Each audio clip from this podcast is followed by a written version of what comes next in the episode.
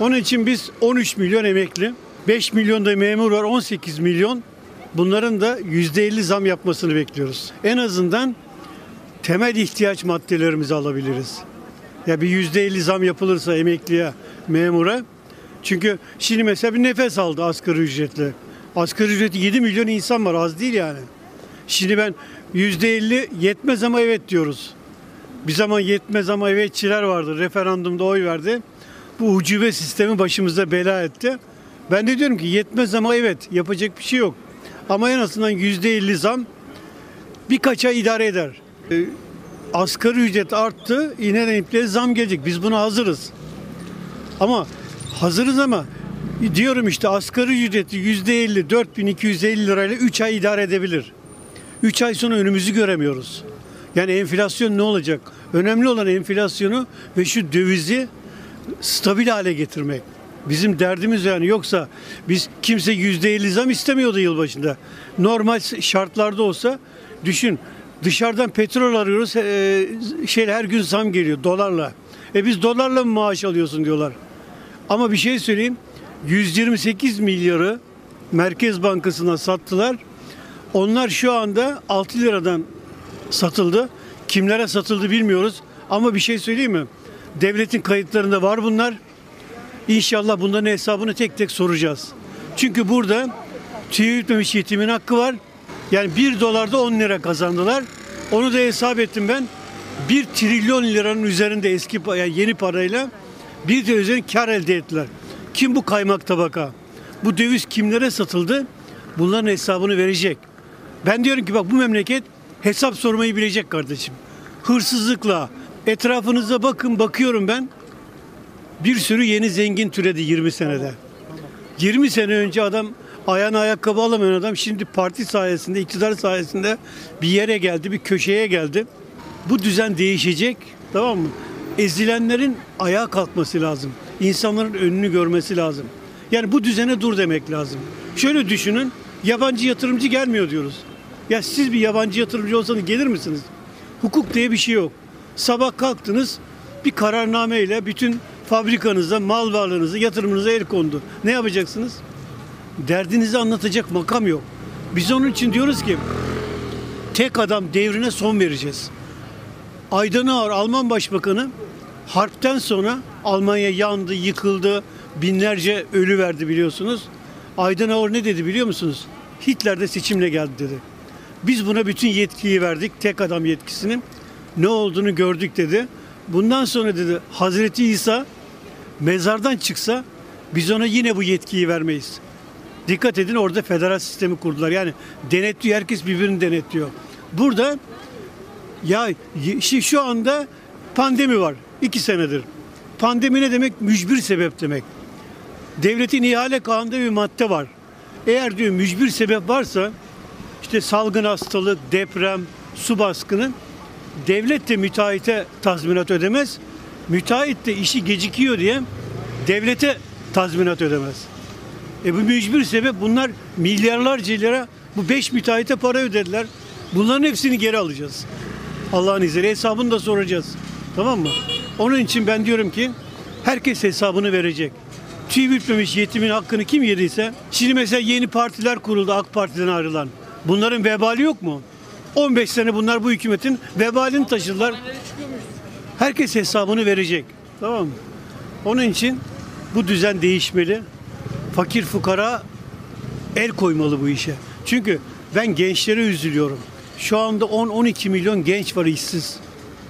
Yani düşün genç bir insan kız arkadaşını alsa veya bir erkek arkadaşına şurada bir kafeye gitse 20 lira kahve olmuş.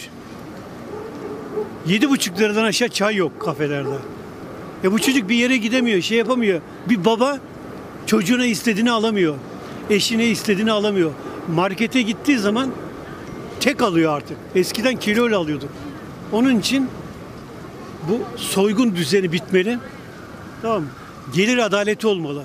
Şu anda mesela bazıları diyor ki arkadaş diyor her yer dolu diyor. Gidiyorsunuz diyor lüks lokantalar dolu. İşte meyhaneler dolu bilmem nereler dolu. Ya kardeşim diyorum İstanbul 20 milyonluk şehir. İstanbul'un yüzde onu krallar gibi yaşıyor. 2 milyon burada Zaten bunlar hep aynı adamlar. O lüks yerlere gidin. Bir akşam bir yerde bir ak çünkü düşünün dolardan dolayı yüzde yüz kar ettiler. Yani yıl başında parasını faizi yatıran bir vatandaş yüzde on beş on altı kazandı. Bir defa insanların insancı yaşama hakkı var. Yani gidip bir kafede haftada bir defa iki defa arkadaşlarına çay içmek, muhabbet etmek bu insanın doğasında olan bir şey. Yani şu anda sabah diyor ki çaya zam geldi. Ben gittim çay ocağına. E, elektrik zam geldi, doğalgaz zam geldi. İşte hava soğudu görüyorsunuz. Ben de iyi baş edemiyorum diyor. Onun için insanca yaşamamız lazım. İnsanca yaşamak için de bu iktidarın gitmesi lazım. Yeniden güven veren bir iktidarın, parlamenter sistemi getirecek bir iktidarın. Yani parlamenter sistem biz neyi istiyoruz? Hesap versinler kardeşim. Şimdi kimse kimseye hesap vermiyor. Denetim diye bir şey yok. Meclisin bütün yetkileri askıya alındı. Meclisi işlevsiz hale getirdiler. Halbuki Atatürk savaşta bile Sakarya'da savaşırken, Dumlupınar'da savaşırken bile meclis açıktı. Bütün yetkiyi meclisten aldı. Bütün yasaları meclise getirdi. Bunlar meclisten kaçırdılar. Denetimden kaçırdılar. Sayıştay denetimi yok. Asgari ücrete zam yapıldı evet doğru. Ee, beklentinin üzerinde gerçekleşti. Gıda bazında veya temel ihtiyaç bazında her şeyde arttığı için bir anlamı kalmadı. Şimdi bakıyorsunuz aldığımız yumurta 20 liraya aldığımız bir koli yumurta olmuş 40 lira 50 lira. İnsanlar kendi e, aldığı maaşları %100 oranında artırmadığı için e, asgari ücretin yani genel anlamda baktığında iyi oldu ama ülkemiz adına hayat pahalılığının gerçekleşmesinden dolayı çok da bir, bir şey fark etmedi. Yani geçen senenin, iki sene öncesinin 2000 lira, 1800 lira olan asgari ücretiyle bugünkü asgari ücreti karşılaştırdığımızda alım gücü bakımından geriye gittiğini görüyoruz. Dolar bazlı baktığımızda geriye gittiğini görüyoruz. Yani çok da bir şey fark etmediğini düşünüyorum ben. Biz Kurtuluş Savaşı'nı bir kere verdik. O da 1920 ile 30'lu yıllara doğru işte Kurtuluş Savaşı'nı ülke olarak.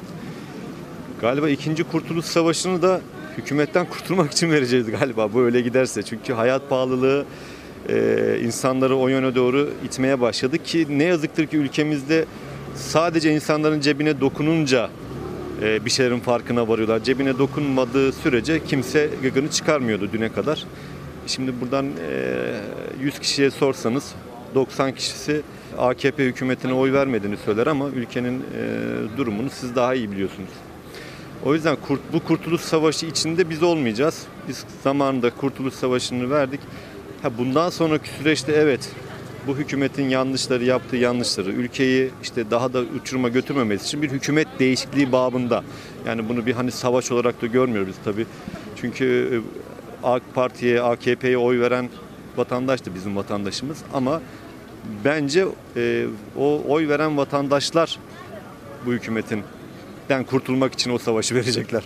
Öyle. Hatta meydanda e, geçen gün denk geldim bir tane amcamız o standta AKP standında ah şu doğalgazı ve petrolü bir çıkarabilseydik her şey daha da güzel olacaktı diye bir göz göze geldik ama bilmiyorum yani hani üst tabaka e, tabiri caizse malı götürüp alt tabaka fakirlik içinde oluyorsa ve uçurum bu kadar fazlalaştıysa nasıl bir inandırılmıştık ben de onu anlayamıyorum açıkçası.